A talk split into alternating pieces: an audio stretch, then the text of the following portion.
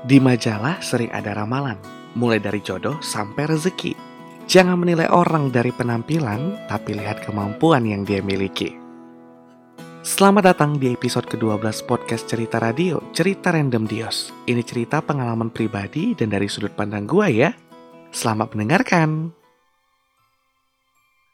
Alkisah ini terjadi pada 2019 di Solo. Perjuangan panjang dengan harapan besar akan bertemu dengan orang nomor satu di Indonesia. Tapi lupakan, itu tidak terlalu penting dalam cerita ini. Tahun 2019, gue diminta tolong untuk ikut serta dalam kegiatan nasional dan lumayan bergengsi di Solo. Gue langsung ambil cuti kantor, beneran. Ini hal yang paling ditunggu karena bisa melihat takaran diri. Sudah sampai di mana gue bisa berbuat sesuatu. Acaranya Jumat sampai Minggu. Kami sore balik dari kantor langsung siap-siap menunggu jemputan dari kakak yang juga ikut dalam kepanitiaan. Jam 10 malam kita berangkat dari Yogyakarta menuju Solo. Jalanan tidak begitu ramai dan tidak begitu sepi.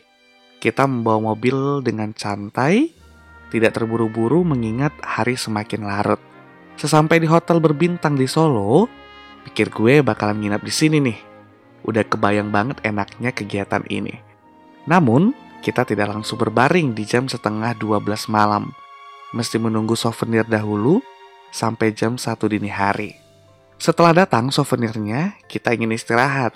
Dan gua salah besar. Salah besar. Ini bukan hotel tempat kita berbaring.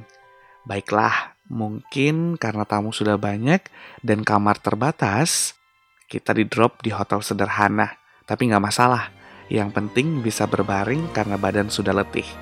Esok pagi, gua dan kakak diminta datang jam 10 di lokasi. Kita datang di sana dengan rapi dan melihat semakin banyak undangan datang. Secara ini adalah acara nasional yang melibatkan dari Sabang sampai Merauke. Berbondong-bondong ada yang baru sampai kemarin dan ada juga nih yang baru saja mendarat di Solo. Karena melihat keramaian, kita langsung menghubungi ketua panitia. Kita datang dan menawarkan diri untuk membantu. Namun, gak digubris penawaran kami. Mungkin karena kami orang biasa. Swear, gak dipandang kita di sana. Ya dengan sedikit kecewa, kita tetap standby. Siapa tahu mereka butuh bantuan. Akhirnya ada yang memanggil dan membutuhkan tenaga kami. Gua dan kakak ditaruh di meja registrasi, menghadapi banyaknya orang. Oke, semua baik-baik saja. Untungnya modal ngomong jadi udah terlatih nih, ala-ala front office hotel. Senyum tidak boleh hilang sambil registrasi ulang. Kerumunan mulai terurai.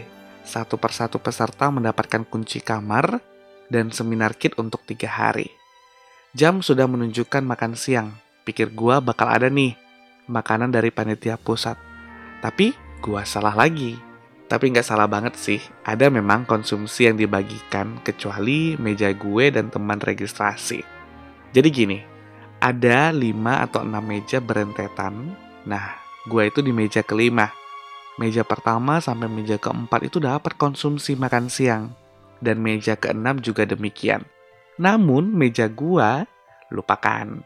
Mungkin tahu bahwa kita ini hanya diminta tolong untuk regional bukan dari panitia pusat.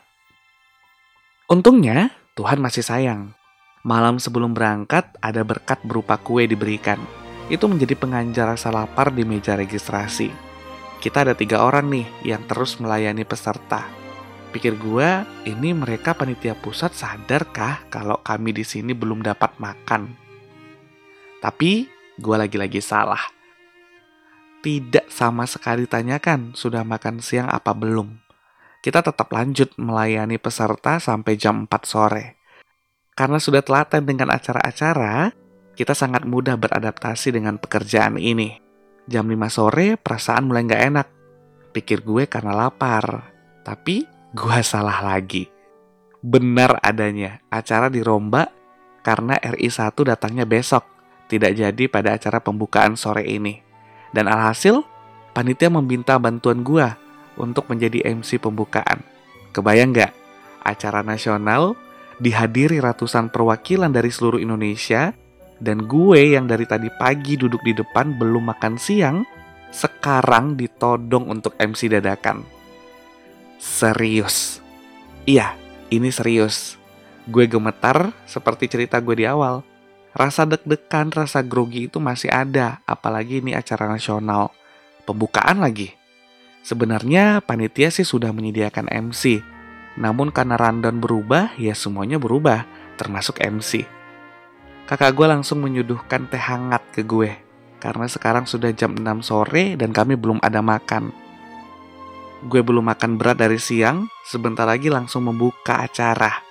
Persiapan yang sebentar gue berusaha nih, mengingat nama acara dan kegiatan supaya tidak salah ucap. Praise the Lord, pembukaan aman dan lancar. Sekarang sudah jam setengah delapan malam, perut semakin gak bisa dikompromi. Selama gua nge-MC, panitia pusat liatin gua dari belakang. Selesai acara baru deh mereka ngajak ngobrol, mau bercakap sama gua dan kakak. Gila kali, dari tadi gua dan kakak dipandang sebelah mata, gak bisa apa-apa dianggap, diabaikan sama panitia pusat. Mungkin karena mereka belum tahu nih apa yang bisa kita lakukan. Setelah tahu, kita bisa mengurai meja registrasi yang tadinya rame banget menjadi kondusif, dan sekarang gue jadi MC dadakan pembukaan dan lancar. Baru deh kita diajak bicara. Gue langsung terpikir tentang don't judge the book by its cover. Terlalu mudah menilai seseorang dari penampilan sebelum melihat apa yang ada di dalamnya. Gue bersyukur sih karena dipercayakan sebagai MC meski dadakan. Kalau enggak, mungkin mereka akan tetap memandang sebelah mata akan kami yang dari regional ini. Dan akhirnya, gue belajar bahwa siapa pun punya kelebihan. Saatnya untuk tidak melihat sebelah mata meski kita baru mengenal. Terima orang apa adanya dan perlakukan sewajarnya. Jangan sampai mereka ternyata lebih dari apa yang kita pikirkan dan membuat kalian menyesal telah salah menilai. Anak kampung baru pergi ke kota, makan siang pesan lauknya ikan. Jika ada yang memandang sebelah mata, buktikan bahwa kita lebih dari yang dipikirkan. Jika ada saran dan masukan untuk podcast cerita radio, sangat ditunggu untuk perbaikan ke arah yang lebih baik. Dan guys, jadilah orang baik. Karena orang pintar, orang kaya, dan orang tenar semakin banyak. Tapi orang baik tergerus zaman. Thank you, dan sampai jumpa di podcast selanjutnya.